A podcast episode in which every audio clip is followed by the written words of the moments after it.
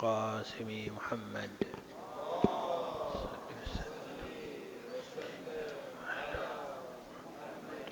آل محمد.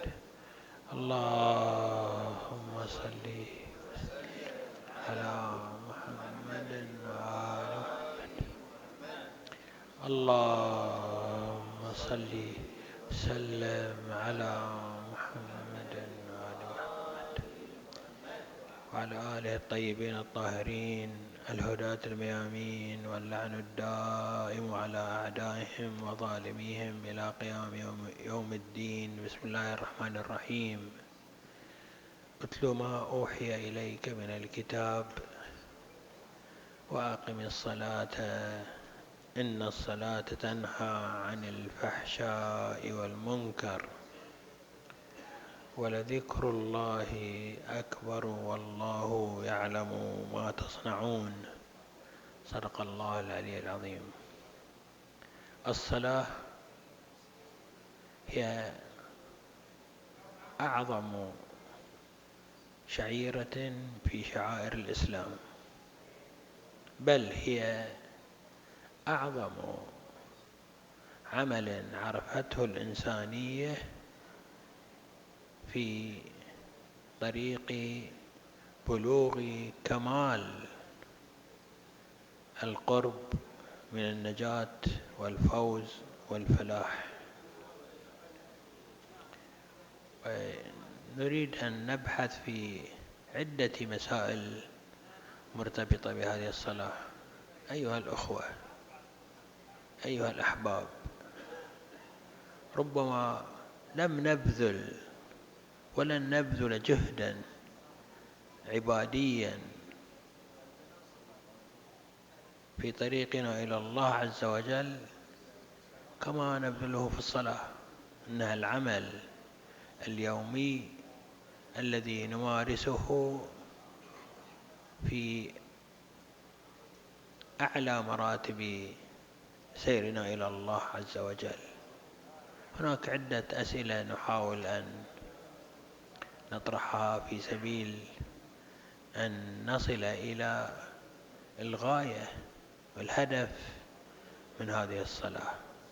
أول مسألة نريد أن نطرحها وهي كالمقدمة الضرورية والأساسية لفهمنا لمعنى الصلاة لكنها عامة تشمل جميع الأحكام الشرعية. ما هي علاقة الأحكام الشرعية من عبادات ومعاملات ومن ما هي علاقتها بعالم التكوين. هل أن الأحكام الشرعية مسألة وأحكام اعتبارية فقط أم أن لها وقائع وجذور تكوينية؟ ربما كثير من الأخوة قد لم يمر عليهم هذا الاصطلاح. الاعتباري هي الأمر الذي يدور مدار المعتبر بمعنى أن حقيقته حقيقة هذا الأمر هو هذا الاعتبار. إذا لم يكن هناك معتبر لم يكن هناك حكم ولا أمر. التكويني هو الأمر الخارج عن حد الاعتبار هو الأمر الذي يقع في عالم الوجود. بغض النظر عن وجود معتبر أم لم يوجد معتبر.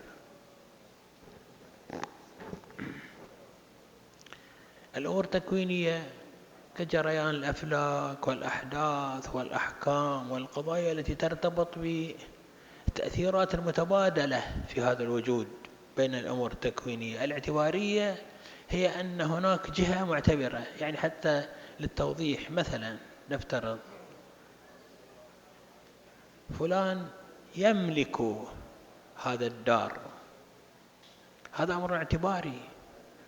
ليس هناك رابط حقيقي بين هذا المالك وهذه الدار إلا الاعتبار. الناس فيما بينهم تعارفوا أن من بنى دارا من اشترى دارا أصبحت ملكا له. فزيد يملك الدار صحيح. أما في عالم التكوين ما الفرق بين زيد وسعيد بالنسبة للدار؟ ما يوجد. في عالم التكوين زيد وسعيد كلهم بالنسبة للدار متساويان.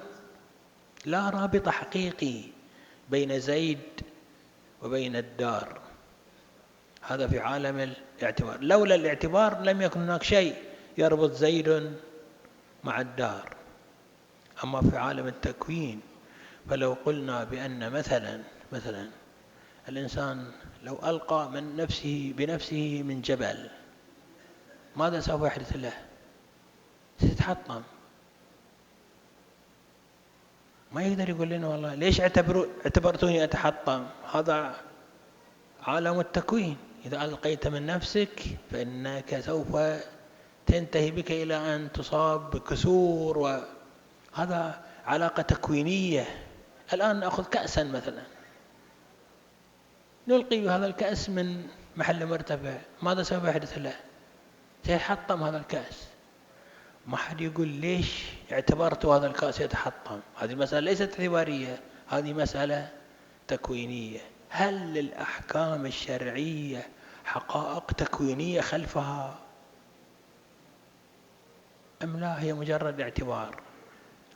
الإشارة الأولى التي نريد أن نشير لها أن العبادات هي مسائل اعتبارية. الأحكام الشرعية أحكام اعتبارية. قطعا أحكام اعتبارية. لأن الح... لأن الشارع المقدس قد أوجب علينا الصلاة أوجب علينا الصيام أوجب علينا ونحن حينما نتساءل لماذا أوجب الله عز وجل الصلاة في الصبح؟ ركعتين وفي الظهر أربع ركعات. نجيب على هذه المسألة بأن هذا حكم إلهي شرعي اعتبره الله عز وجل ليس لنا طريق لمعرفته. لا ندرك لماذا كانت الصبح هكذا والظهر هكذا لماذا الوضوء بهذه الكيفية لماذا الغسل بهذه الكيفية. هذا صحيح. كل الأحكام الشرعية أحكام اعتبارية نلتزم بها لأنها صدرت من الحق جل وعلا ودورنا هو الطاعة فيها. لكن ما نريد أن نختم به درس اليوم هو أن وراء هذه الأحكام الاعتبارية حقائق تكوينية. إيش معنى حقائق تكوينية؟ يعني العمل العبادي الذي نقوم به له فعل وتأثير في عالم الوجود. كما يؤثر السقوط على الكأس فينكسر الصلاة تؤثر على نفسك فتحدث فيها تغييرا حقيقيا وواقعيا. نكتفي اليوم بهذا المقدار وإن شاء الله نأخذ في توضيح هذه المسألة في الليالي القادمة. وصلى الله على محمد وآله الطيبين الطاهرين بسم الله الرحمن